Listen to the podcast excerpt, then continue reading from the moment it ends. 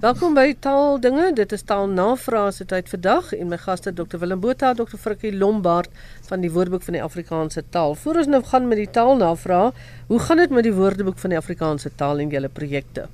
Ons dink dit gaan baie goed op die oomblik. Ons is besig om deel 15 af te rond. Ons is besig met proefleeswerk en setwerk. Frik werk baie hard op die oomblik. Ons moet nog maar by hom deur en dan gaan dit by my deur en ons behoort deel 15 uh, einde Januarie op die raket te hê. En ons nuwe kollegas gaan ook mooi aan. Goed terug na die taalnavraag. Ons begin by Frikkie. Amanda van der Walt wil weet hoekom reën en seën met deeltekens geskryf word, maar been, steen, ween en nog 'n paar sulke woorde nie.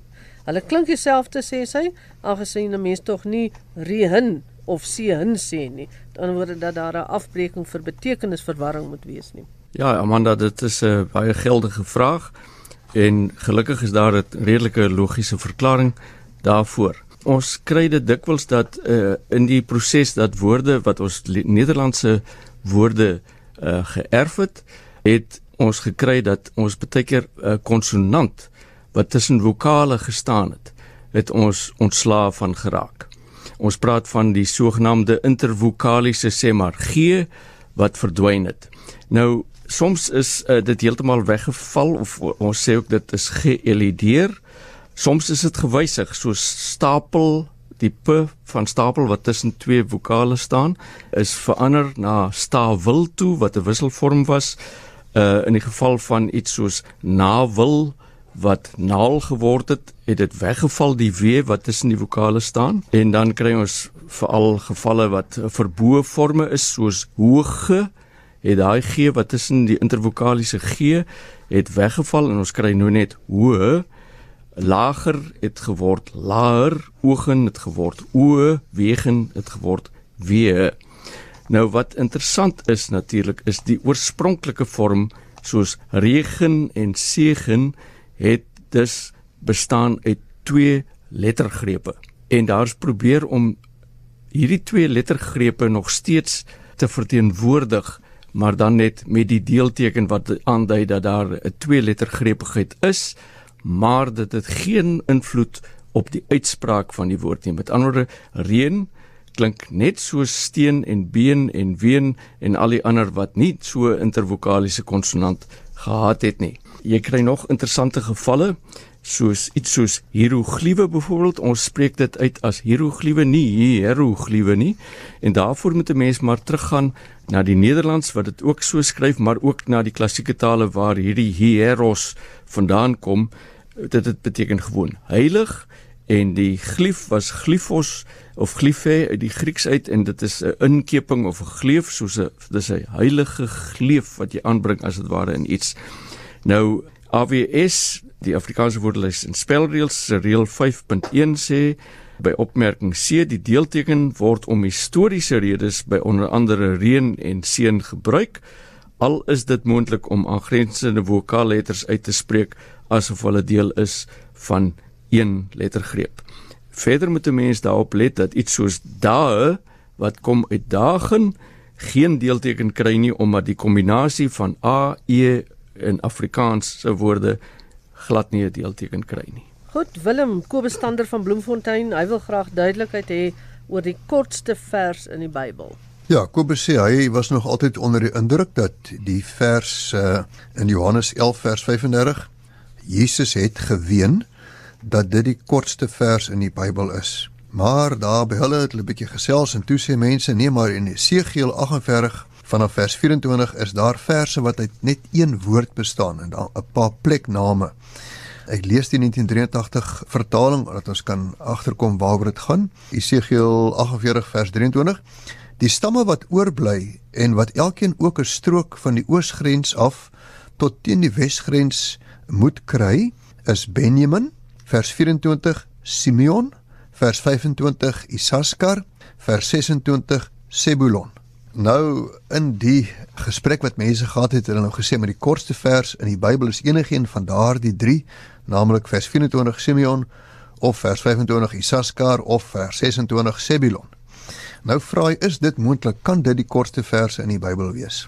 Nou ek weet nie, maar ek ken mense wat baie weet. Ek het Dr Bernard Kombrink gebel wat die leier is van 'n span vertalers wat werk aan die nuwe direkte vertaling van die Bybel waarvan die Nuwe Testament sowel as die Psalms reeds verskyn het.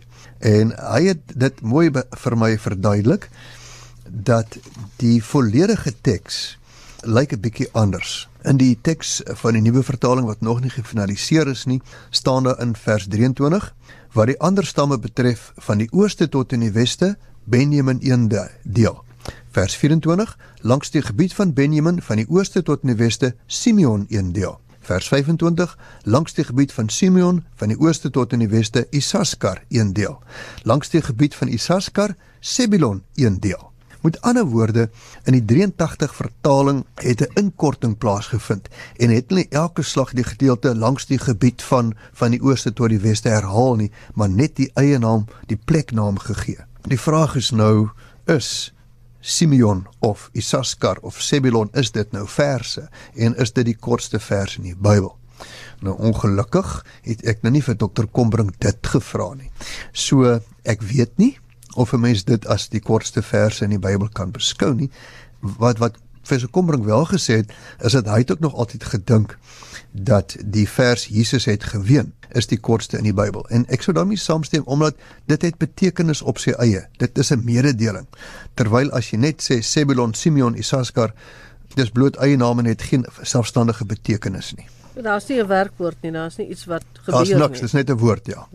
Nou ek is nou baie bly ons het nou nie 'n vraag oor die langste vers gekry nie want dan sou dit nou ons laaste vraag gewees het. Mm, ja. Met Frikkie Pieter Lou vra oor die name van walvisse, veral die Noordkapper en dan ander tekentjie wat sê of dalk Noordkaper. Ja.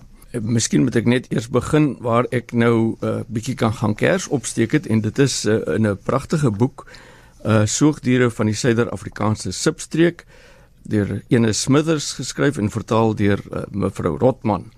Nou, kom ons begin maar by die laaste vraag wat hy vra en hy vra oor orka. Die orka is die orka moordvisse of dalk moordwalvisse.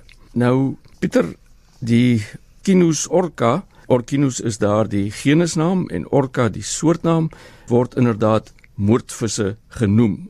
Eintlik nie die volle vorm moordwalvisse nie. Ons praat maar van moordvisse. Hy sê in ons kultuur praat ons baie keer sommer ook van orka. Dit is inderdaad so. Ons kan maar die die term wat gevestig is en veral gebruik word is moordvis en dan in 'n informeler trant kan 'n mens praat van orkas. Dan het hy ook gesê hy hoor gereeld hoe dat uh, die sogenaamde humpback whales deesdae genoem word bultrug walvisse en hy sê maar die woord wat hy ken is eintlik boggelwalvis Nou volgens hierdie bron is boggelwalvis inderdaad die woord wat ons moet gebruik vir humpback whales. Maar die uiteindelik die interessantste een van hierdie hele spul is die sogenaamde noorkapper. Nou in Engels praat hulle van die right whale en 'n mens kan nou vra hoekom is dit genoem die right whale? Uh en hoekom het hoe het ons uitgekom by noorkapper of noordkapper of noordkaper? Kom ons begin maar by die verklaring van die Engels. Dit kom uit die vroeë dae van die walvisjag en hierdie soort walvisse is beskou as die regte soort, die lekker soort walvis want hy het nadat hy doodgemaak is, het hy gedryf. Hy het bly dryf. Dit was nogal lekker vir die manne dan. En hy het baie lang baleinplate gehad wat die mense goed kon gebruik, onder andere in die maak van baie rokke en hy het baie olie gelewer. So dit was die right whale. Dit was die regte soort walvis om te skiet omdat hy vir jou baie opgelewer het. Nou hierdie soort walvis het toe nou ook in suidelike oseane sy verskyning gemaak en dan is hy natuurlik gepraat dan sa gepraat van die southern right whale. Nou ons het die naam noordkapper of noordkapper uh, dit verwys eintlik na die Noorse Kaap in Skandinawië en daai Kaap is Noordkap K A P P en dit is waar ons dit gekry het. Ons suidelike right whale is dus 'n Noordkaper of Noordkapper en daar's nog sinonieme Noordkaper walvis, Noordkapper walvis, Noordkaper walvis en Noordkapper walvis. Dis 'n taamlike de mekaar spul van wisselforme en sinonieme wat hierdie walvis het. Frikkie, ek hoor noord en ek hoor noord. Ja, in ons woordeboek het dit ver, verklaar by noordkapper en dit is wat die meeste gebruik is. Sommige bronne gebruik noordkaper van want dit is ook Noord-Kaap. Maar soos ek sê, jy weet hierdie Kaap is gegrond op die Kaap wat daar in die noorde, die verre noorde aangetref is naby Noordwee en dit word dan geskryf met K A P P. Ek dink die twee wat ons die meeste kry is Noordkapper of Noordkapper. En daarna is daar Noordkaper en Noordkaper en dan nog soos ek gesê het sekere sinonieme ook. Willem Dion Adrianse van Botswana vra waar die woord matriek vandaan kom en van wanneer af word matriek in Afrikaans gebruik. Dion uh, matriek kom uit die Latyn matriculare wat beteken om in te skryf of aan te sluit by. As jy kyk in groot Engelse woordeboeke, byvoorbeeld Amerikaanse woordeboeke dan by matriculate staan nog steeds om in te skryf by 'n college of universiteit. So if you matriculate, uh, dan skryf jy in as jy matrikuleer. En dit kom uit Latyn matricula, 'n lys wat weer afgelei is van matrix wat ook 'n lys is, oorspronklik baarmoeder of oorsprong. Ons weet dit is ook vandag 'n plan of 'n blou druk vir iets as jou matrix. Van wanneer af gebruik ons matriek?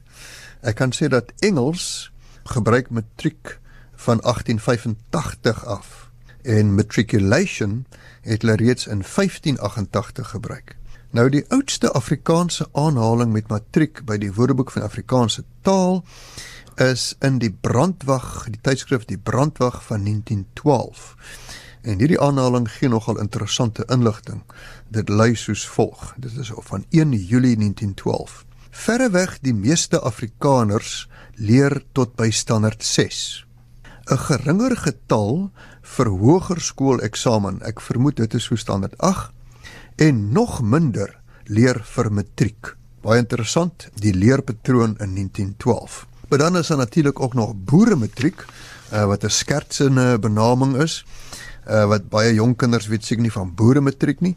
Maar dis nou na die voltooiing van jou katekisasie en 'n Bybelkennis eksamen en jou voorstelling as lidmaat het jy dan oor boere matriek beskik en dit is 'n 'n kwalifikasie tussen aanhalingstekens wat jy by die kerk kry. Moet van die kerk gepraat Frikkie Domeritus Dani Malan vra oor die woord afvoer 'n goeie Afrikaanse woord vir kommitment, 'n versamelnaam vir hoenders en hoekom 'n mens van 'n skoolvisse praat. Nou hierdie Domeritus Dani Malan dink ek is die ene wat van tyd tot tyd kerkbank sodat hy na taaldinge kan luister. Frikkie. Ja, nee, dit is interessant. Kom ons begin maar die eerste wat hy gevra het is hy het gehoor dat 'n mens beseerders na ongeluk afvoer na hospitaal wat jy waar kry, dit moes mos wees vervoer nie waar nie. Nou afvoer beteken 'n uh, hele paar dinge. Dit beteken dat jy iets na onder toe kan voer. Dit beteken dat jy iets kan wegvoer of weglei of selfs stroomafwaarts voer. Dit kan ook wees iets wat purgerend werk, afvoerende middels om dan iets te bevorder.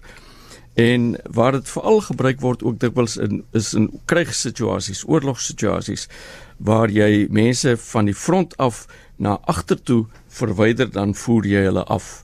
Jy het ook so 'n afvoerhospitaal gekry. Met ander woorde, jy het mense wat op die front beseer of gewond is, het jy afgevoer na so 'n hospitaal toe en dan was dit bekend as 'n afvoerhospitaal. Uh dus afvoer word heel dink ek in verband met kruigskunde oorlogssituasies gebruik. Normaalweg voer ons nie sommer mense af na hospitaal en jy vervoer hulle in ambulans. Die vertaling vir commitment, dit is nogal 'n kluif want uh baie keer sê die woordeboeke verbondenheid tot, sy verbondenheid tot die saak is nie onder verdenking nie. Ek dink die woord toewyding kom taamlik naby daaraan of dit is 'n absolute toewyding.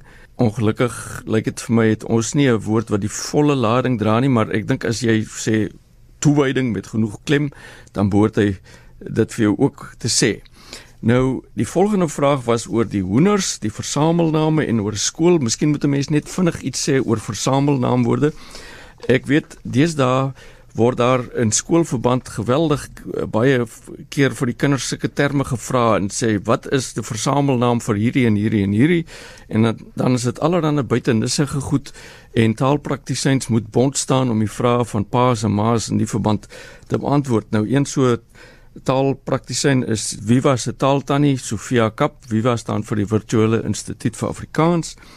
En sy het sommer ook 'n stukkie geskryf oor wat versamelname is.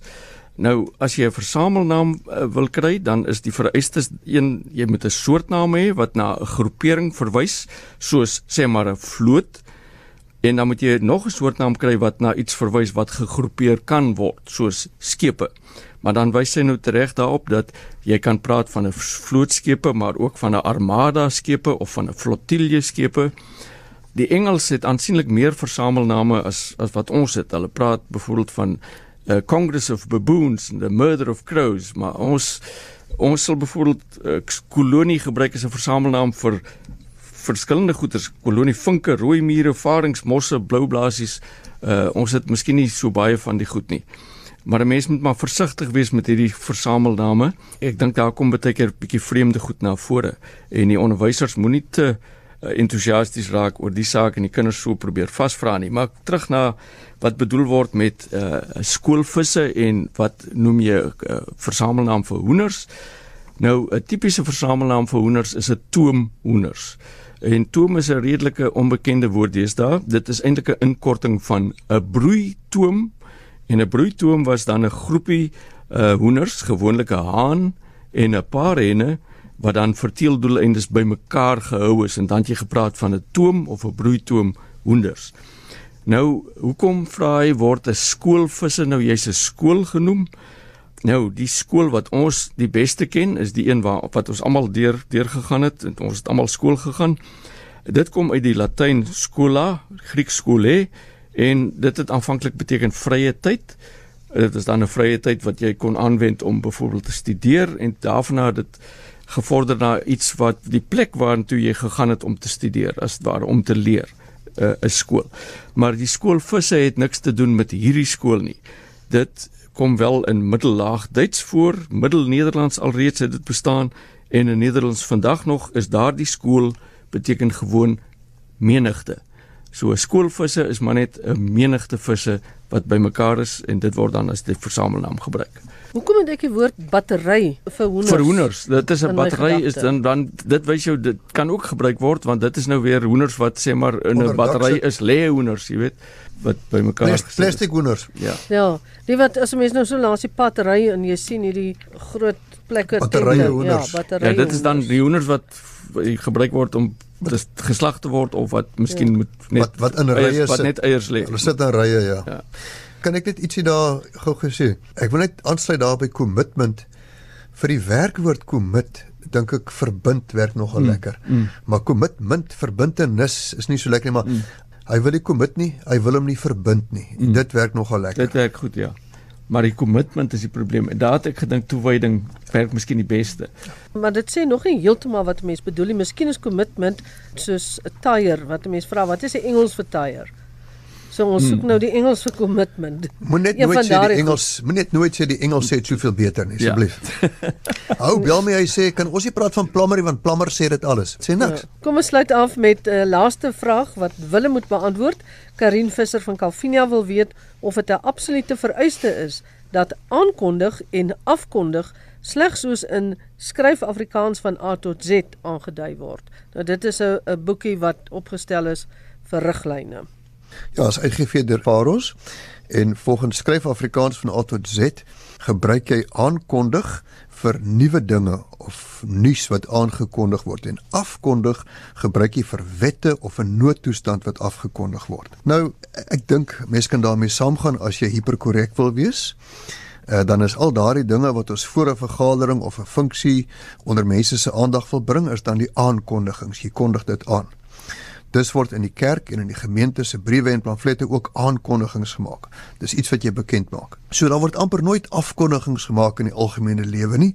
Dit is net vir 'n noodtoestand of 'n krygswet wat jy dan nou afkondig. Nou dit lyk tog of die die moderne woordeboeke nie meer hierdie onderskeid handhaaf nie. As jy gaan kyk, dan hulle gee by albei maar iets soos openbaar maak aan die publiek bekend maak. Maar geen een van die ander normerende bronne behalwe nou Afrikaans van A tot Z tref hierdie onderskeid nie. Om die waarheid te sê, hulle het nie inskrywings uh, soos afkondig en aankondig nie. Hulle behandel nie die woorde nie. En self kan ek geen werklike rede sien vir hierdie onderskeid tussen afkondig en aankondig nie.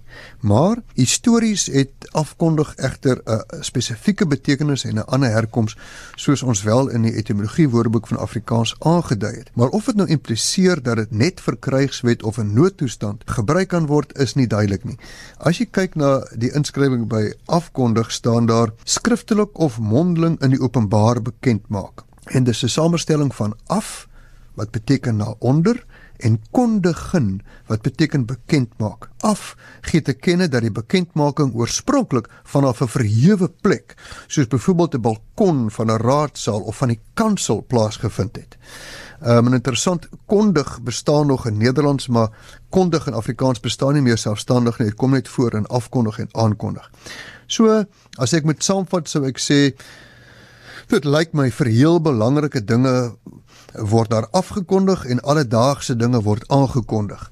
Maar uh, ek dink nie 'n mens moet aandring hierop nie, maar as jy wil, dan kan jy dit so gebruik en dan duidelik dit so gebruik. Maar dit beteken net jy gaan baie min praat van afkondig, jy gaan maar altyd aankondig. En as ek nou sê hiermee kondig ons nou die einde van die program aan, is dit nou 'n aankondiging of 'n afkondiging? Dis 'n pragtige aankondiging. Van, van jou kant af is dit altyd 'n aankondiging. Nou maar goed, baie dankie. en daarmee dan die amptelike aankondiging van die einde van vandag se taalnavraag. Soos altyd waardering Dr Willem Botha en Dr Frikkie Lombard vir julle tyd en julle kundigheid wat julle met ons deel. Magtene en Kreer wat groet tot 'n volgende keer.